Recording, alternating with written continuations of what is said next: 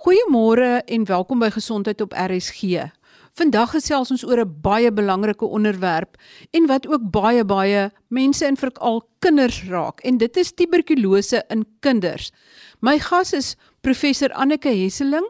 Sy is hoof van die Despunt Tutu Tuberkulose Sentrum by die Departement Pediatrie van die Universiteit van Stellenbosch se Mediese Fakulteit. Professor Hesseling, ons weet daar's allerlei nuwer verwikkelings in die diagnose, opsporing en behandeling van tuberkulose, veral in kinders. Maar kom ons begin by die begin en gee vir ons 'n prentjie van tuberkulose in kinders. Wat se jongste feite, wat is anders en waarna moet mens oplet? Goeiemôre, dis baie dankie dat jy vir die uitnodiging en is lekker om saam te praat. Ja, so tuberkulose in kinders is eintlik 'n baie interessante fenomeen veral in 'n land soos Suid-Afrika wat 'n baie hoë las het van tuberkulose. En omtrent 1 uit 10 gevalle van tuberkulose in Suid-Afrika nasionaal kom voor by kinders. Kinders word nou gedefinieer deur die WHO as vir tuberkulose as onder 15 jaar. Daar's ook baie tuberkulose in adolessente, so kinders wat ouer as 15 jaar is. En uh, so omtrent 1 uit 10 gevalle in Suid-Afrika kom onder kinders voor.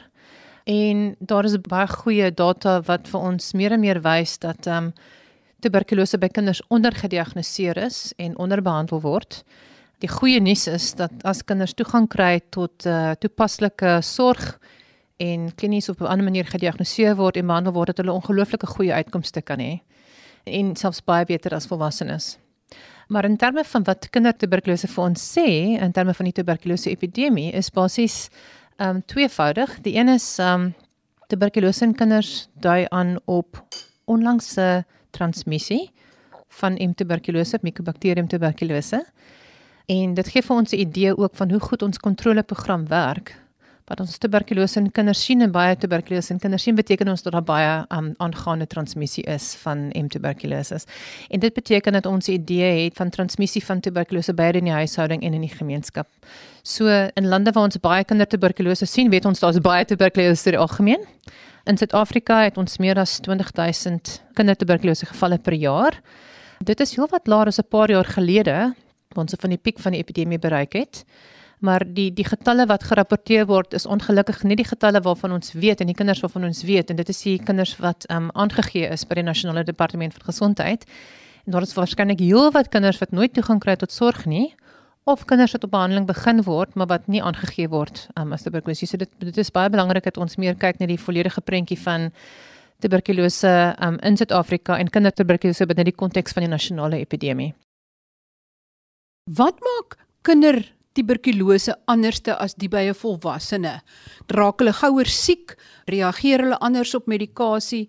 Kan jy vir ons uitspel wat is dan anders tussen kind en volwassene?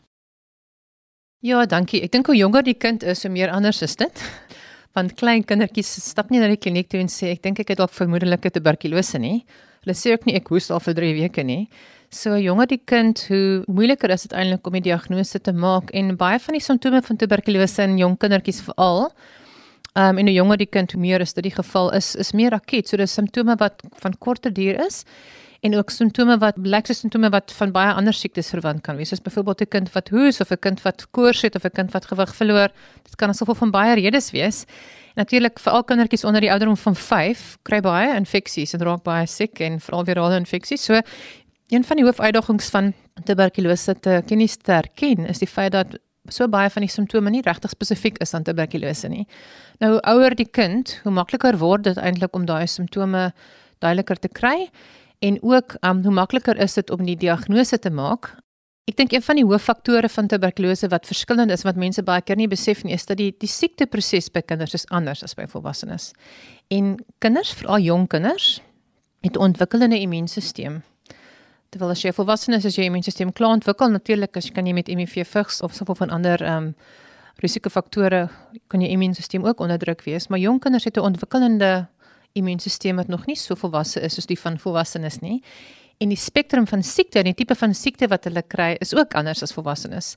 En ehm um, die hoof verskil in terme van en wat ook vir ons 'n enorme uitdaging gee in terme van die diagnose is dat en daar's minder goggas, daar's minder bakterieë in kindertuberkulose as wat ons kry in volwassenes. So as mens kyk na 'n sputum monster by 'n kind, gaan jy minder oor die algemeen baie minder TB bakterieë kry wat beteken hierdie toetse wat ons gebruik om daai bakterieë op te tel minder sensitief is. Met ander woorde ons ons mis baie keer die tuberkulose.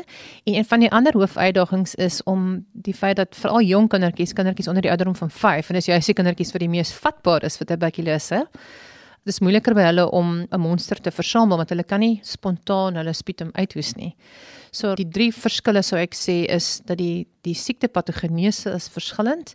Kinders is geneig om minder uh, bakterieë aan boord te hê, so hulle het Bacillus tuberculose is moeiliker om hulle monsters in die hande te kry. En dan is dit ook dat hulle simptome anders kan wees as in volwassenes. En die jonger die kind, hoe moeiliker kan dit wees om tuberkulose kinese te diagnoseer. Vir alle baie jonk kind of 'n baba kan die simptome ook baie meer akuut wees, so korter duur simptome. So dit is dan baie belangrik om 'n hoë indeks van suspisie te handhaaf.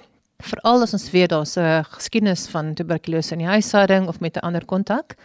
En hoe jonger die kind, hoe meer bekommerd is ons dan dat daai kind baie vinnig na tuberkulose siekte kan progresseer of na erger vorms van siekte. Ek het verwys na die feit dat die tuberkulose spektrum of die patogenese anders kan wees in kinders. En die een ding wat vir ons besonder kommerwekkend is, dat veral jong kinders, kinders onder die ouderdom van 2 jaar, is veral baie geneig om erge vorms van tuberkulose te ontwikkel wat na hulle brein toe kan sprei. Dit is tuberkulose meningitis en dit is iets wat vir al jong kindertjies baie vatbaar voor is en dit kan baie vinnig progresseer van 'n kind wat doodgesal is aan tuberkulose tot 'n kind wat baie vinnig baie siek kan word en breinvliesontsteking kan kry van tuberkulose. So dit is seldsaam, maar dit is 'n ongelooflike ernstige siekte met ongelooflike ernstige nagevolge en die meeste kindertjies wat um, tuberkulose meningitis kry, het 'n blywende vorm van breinskade daarna. So dis is vir ons eintlik 'n 'n baie belangrike vorm van tuberkulose om te probeer voorkom en op patent te wees in jong kinders. En is juis vir die kindertjies so jonk is en waar die simptome so non-spesifiek is, waar mens juis maklik sulke tipe van manifestasies kan mis. Hmm. Jy het nou gesê die simptome is verskillend en jy het nou uitgebrei oor die moontlikheid van meningitis TB. Is daar nog simptome wat verskillend is? En as daar dan minder tuberkulose basille teenwoordig is, maak minder basille die kind baie siek of maak dit hom minder siek? Is sy weerstand so laag dat selfs net 'n bietjie tuberkulose bakterie hom sieker maak? Wat is 'n baie interessante vraag. Ek gaan eers na die tweede vraag toe in terme van die minder organismes. Um so oor die algemeen die meeste algemene vorm van tuberkulose wat kinders en volwassenes kry is tuberkulose in die long of pulmonale tuberkulose. So omtrent 75% van kinders op pulmonale tuberkulose kry en die meeste van hulle het in hulle sputum minder goggas. So dis moeiliker om daai goggas te kweek of op te tel. Want daai min goggas maak hulle baie siek. So die hoeveelheid goggas of die hoeveelheid bakterieë aan boord is nie 'n indikasie van hoe siek dit jou kan maak nie. En byvoorbeeld in tuberkulose meningitis, dis een van die vorms van tuberkulose waar ons die minste bakterieë kry as jy kyk na die die vog wat uit die brein uittap. Daar is dit baie moeilik om die kultuur positief te kry, maar daai kinders het die ergste vorms van siekte. So dis baie keer ook die immuunreaksie en die siekteproses wat volg as gevolg van die blootstelling aan tuberkulose. Nie noodwendig die hoeveelheid goggas aan boord is wat die kinders siek maak nie. So die hoeveelheid goggas beteken nie dat die kind nie siek is nie, maar ons sien wel dat in kinders wat ons meer bekebakterieë het aan boord, hulle gaan byvoorbeeld in die longe, byvoorbeeld hulle ekstra so erger lyk en ons makliker daai goggasse kan kweek. So 'n kind wat se longe baie meer geaffekteer is op 'n ekstra, dis makliker om daai gogga op te tel as 'n kind wat net 'n paar limfkliere het. So met ander woorde, die min goggas kan jou siek maak, maar dit is makliker as jy meer goggas aan boord het om daai diagnose te bevestig. Die goeie nuus is in terme van die min bakterieë wat uh, vir ons 'n diagnostiese uitdaging is, is dat dit juis baie aantreklik is en baie effektief is om kinders te behandel met tuberkulose. En ons dink een van die hoofredes hoekom hulle so effektief behandel kan word is omdat hulle minder organismes het, minder bakterieë het. So as jy minder bakterieë hoef dood te maak, dan kan jou huidige behandelings baie effektief wees.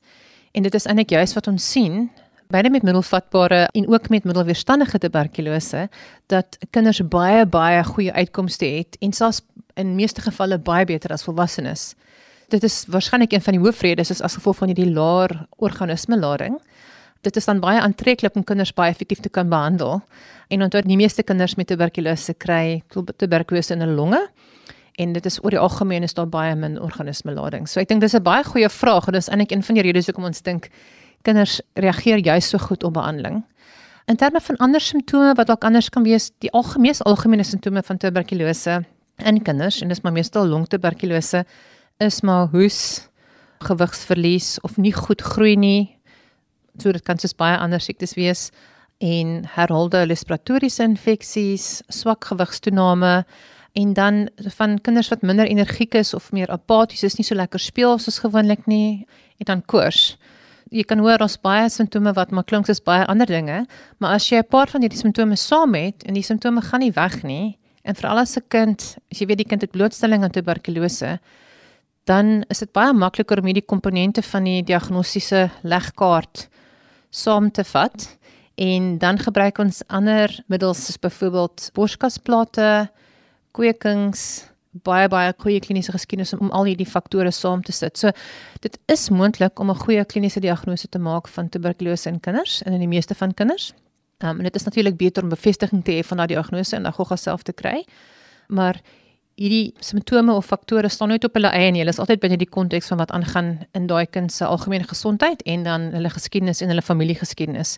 En ons is juis baie attent om te vra oor is daar blootstelling? Is daar iemand by die huis wat TB gehad het of iemand wat hoes of iemand wat siek is? Of is daar iemand anders wat met die kind blootgestel is, byvoorbeeld in die dagsorg of iemand anders wat aan die kind kyk wat hoes of wat op TB behandeling is? So ons moet baie keer baie mooi vra en baie sniffel en speur om al daai aspekte van die geskiedenis bymekaar te sit en regtig daai diagnostiese legkaart prentjie te probeer voltooi en as die prentjie nie volledig nie kan jy nog steeds 'n baie mooi buitelyn sien van wat jy dink werklik aangaan met die kind. Wie is meestal die persoon van wie die kind die tuberkulose aansteek?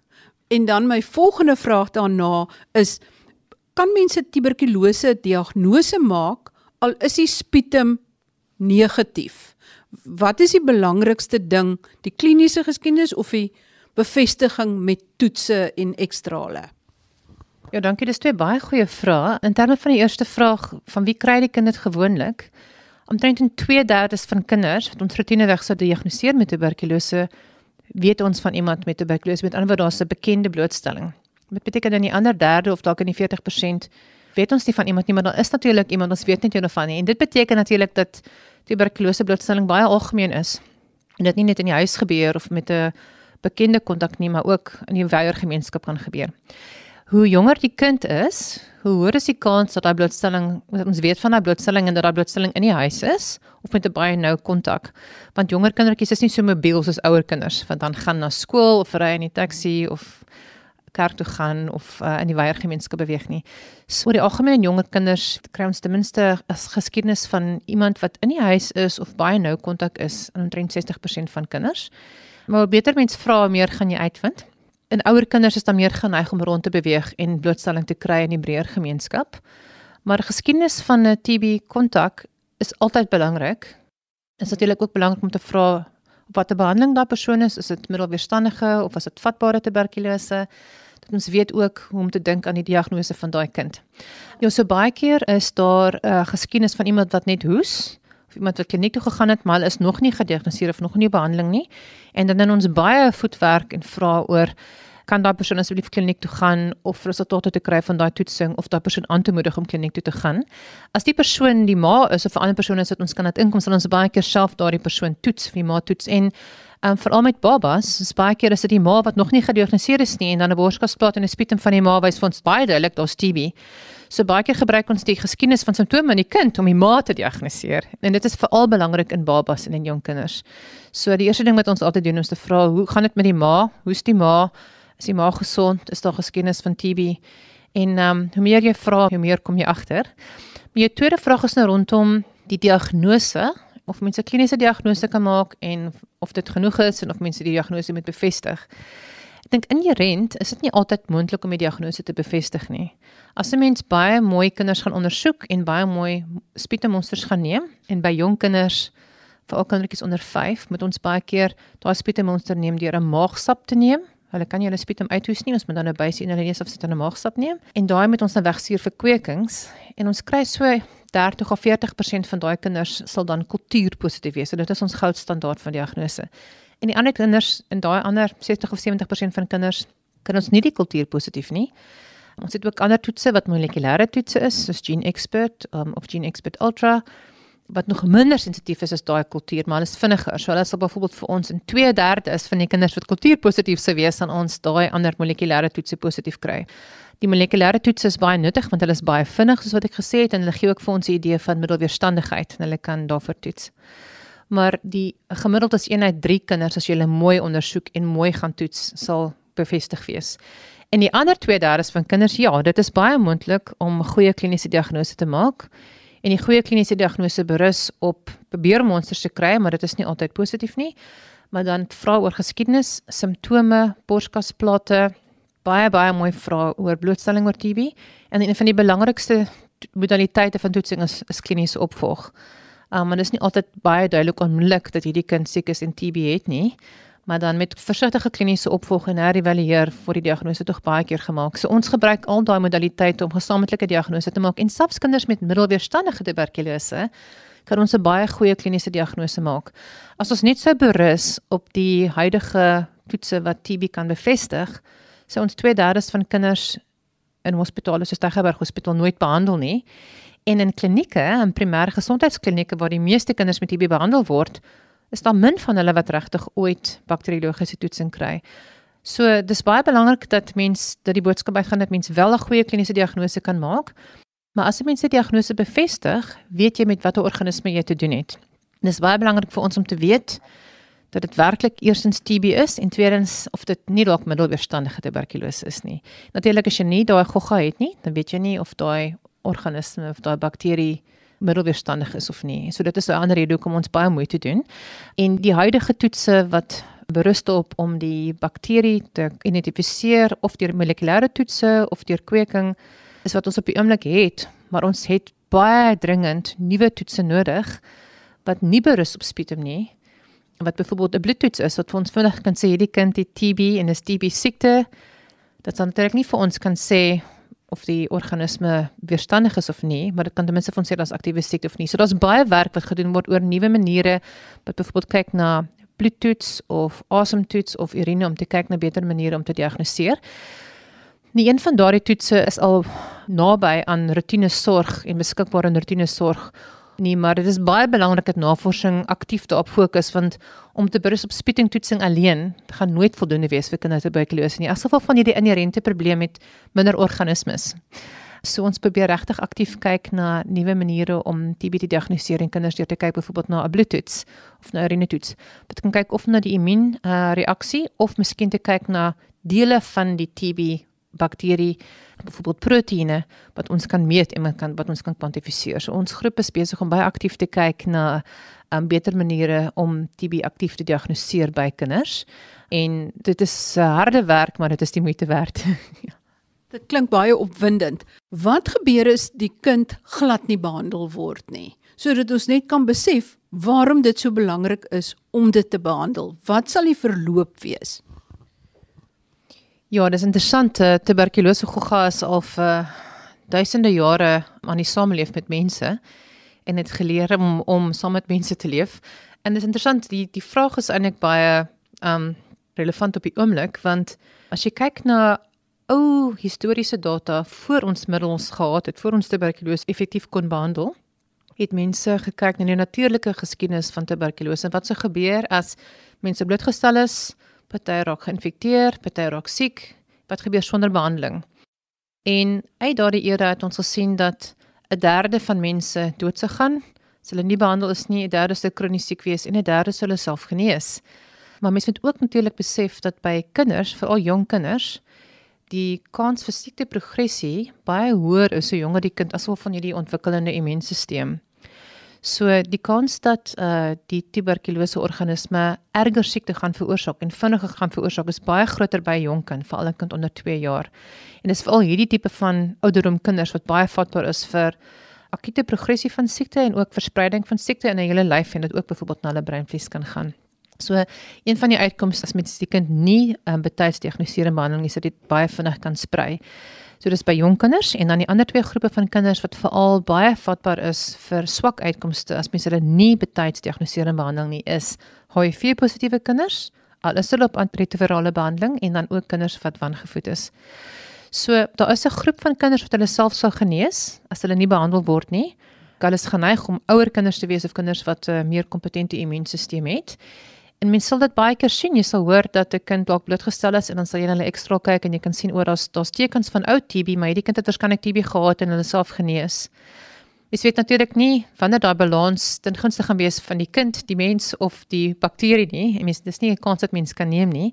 En ook natuurlik hoe jonger die kind is en hoe hoër die risikoprofiel van die kind is, hoe minder is daai kans dat dit ten gunste gaan wees van die kind, maar ten gunste gaan wees van die organisme. Want daar is 'n baie groot risiko van siekteprogressie met baie swak uitkomste in jong kinders en dit kan baie akuut versprei ook in kinders. So dis nie asof um, hulle wenig vir maande lank siek gaan wees nie. En jong kinders kan binne weke se tydperk baie baie vinnig siek word ons weet van hierdie inligting deur die koorts wat beskryf is in die natuurlike geskiedenis van tuberkulose lank voor ons chemoterapie gehad het en ons leer baie van hulle maar van daai koorts is ook voor die era van HIV en dis een van die groot veranderings wat ons met HIV by maak dit kinders altyd baie meer vatbaar en natuurlik volwassenes ook om eersins tuberkulose blootstelling te hê want waar daar HIV is in huishoudings is daar meer geneig om meer TB te wees en om geïnfekteer te word en dan om siekte te kry. So dit is die een ding wat vir ons dinge baie verander het veral in die Suid-Afrikaanse konteks. Waaraan sal die kind of die volwassene doodgaan? Weens swak longfunksie of die breinaantasting? Ja, wat tuberkulose kan versprei na al die organe toe. So dit kan ehm um, byvoorbeeld ehm um, binne die long kompliseer daar 'n limfnode is wat deurbreek in die lugweë en 'n kind baie akut siek maak, en dit sien ons. Ehm um, dit kan ook versprei na die brein toe. En ons sien min kinders wat glad nie behandel is nie Gelukkig sien ons min nagevolge van glad nie behandel is nie. Ons sien baie keer nagevolge van te laat behandel. So dis moeilik om presies te weet op watter stadium sou dit waantoe sprei. Maar tuberkulose kan sprei oral heen en dit kan hematogeen met ander in die bloedstroom versprei na die beenmerg, na al die organe toe en as mense kan kyk na hoe daai verspreiding lyk, dis klein milia of kolletjies met granulome van tuberkulose wat oor die hele lyf kan versprei en ook na die brein kan uitsaai. So, um dit kan by die long en ook sistemies al die organe beïnvloed, maar by die long kan dit ook wees as gevolg van byvoorbeeld selfs 'n limfnode wat deurbreek in die lugweë en akut die kind kan siek maak met kinders wat erge so van lugwegnood kan ontwikkel en wat erge respiratoriese simptome het. So, um daar's beide plaaslike meganiese gevolge van tuberkulose en limfkliere is 'n baie dominante vorm van tuberkulose in kinders. Ons sien Want as jy 'n ekstra lik kyk en die mees algemene vorms van kinders sien dit baie eers in die limfnodes en daai limfnodes kan kompliseer en dan dan kan die organisme ook sistemies versprei deur die bloedstroom versprei na die brein toe. Dit sien mens ook uit postmortem studies uit lande gelukkig buite Suid-Afrika waar baie kinders wat nooit gediagnoseer is met tuberkulose in die postmortems um, gehad het en hulle byvoorbeeld gediagnoseer is met koors of akute pneumonie, longwegontsteking en dan by postmortem word gesien dat daar wel tuberkulose is en is wyd versprei deur die lyf en deur die longe versprei en partykeer selfs na die brein toe. En dit is eintlik uit sulke postmortem studies wat ons kan sien wat werklik gebeur. Gelukkig is daar min sulke data uit Suid-Afrika. Ons is uh, relatief bevoordeel hier, maar daar is waarskynlik nog baie gevalle wat gemis word. Baie dankie aan my gas professor Anneke Hesseling hoof van die Desmond Tutu tuberkulose sentrum by die departement pediatrie van die Universiteit van Stellenbosch Mediese Skool. As daar net enkele sleutelpunte van vandag se gesprek is wat julle asseblief moet onthou, is dit die volgende. In die eerste plek is tuberkulose in kinders kan baie skielik en baie ernstig wees en dit is dus baie belangrik om dit vroeg op te spoor en so gou as moontlik te behandel. Die simptome is anders as by groot mense. Dis erger en vinniger. En hoe jonger die kind is, hoe moeiliker is dit om te diagnoseer. Dus as daar mense in sy omgewing is wat hoes, nagsweet het, koors of ander simptome van tuberkulose, maak asseblief seker dat daardie mense getoets word. Nog 'n belangrike punt is is dat as 'n kind tuberkulose kry, kan dit na sy brein versprei en tuberkulose meningitis veroorsaak. En hoewel dit seldsaam is, is dit baie gevaarlik. Dit kan noodlottig wees en as dit nie die kind se lewe eis nie, is die kans groot dat dit permanente breinskade by die kind kan veroorsaak en niemand wil dit hê vir hulle kind nie. Volgende week gesels ons oor die behandeling en wat nuut en anders en opwindend is in die behandeling van tuberkulose in kinders. Tot volgende week dan. Groete van my, Marie Hudson.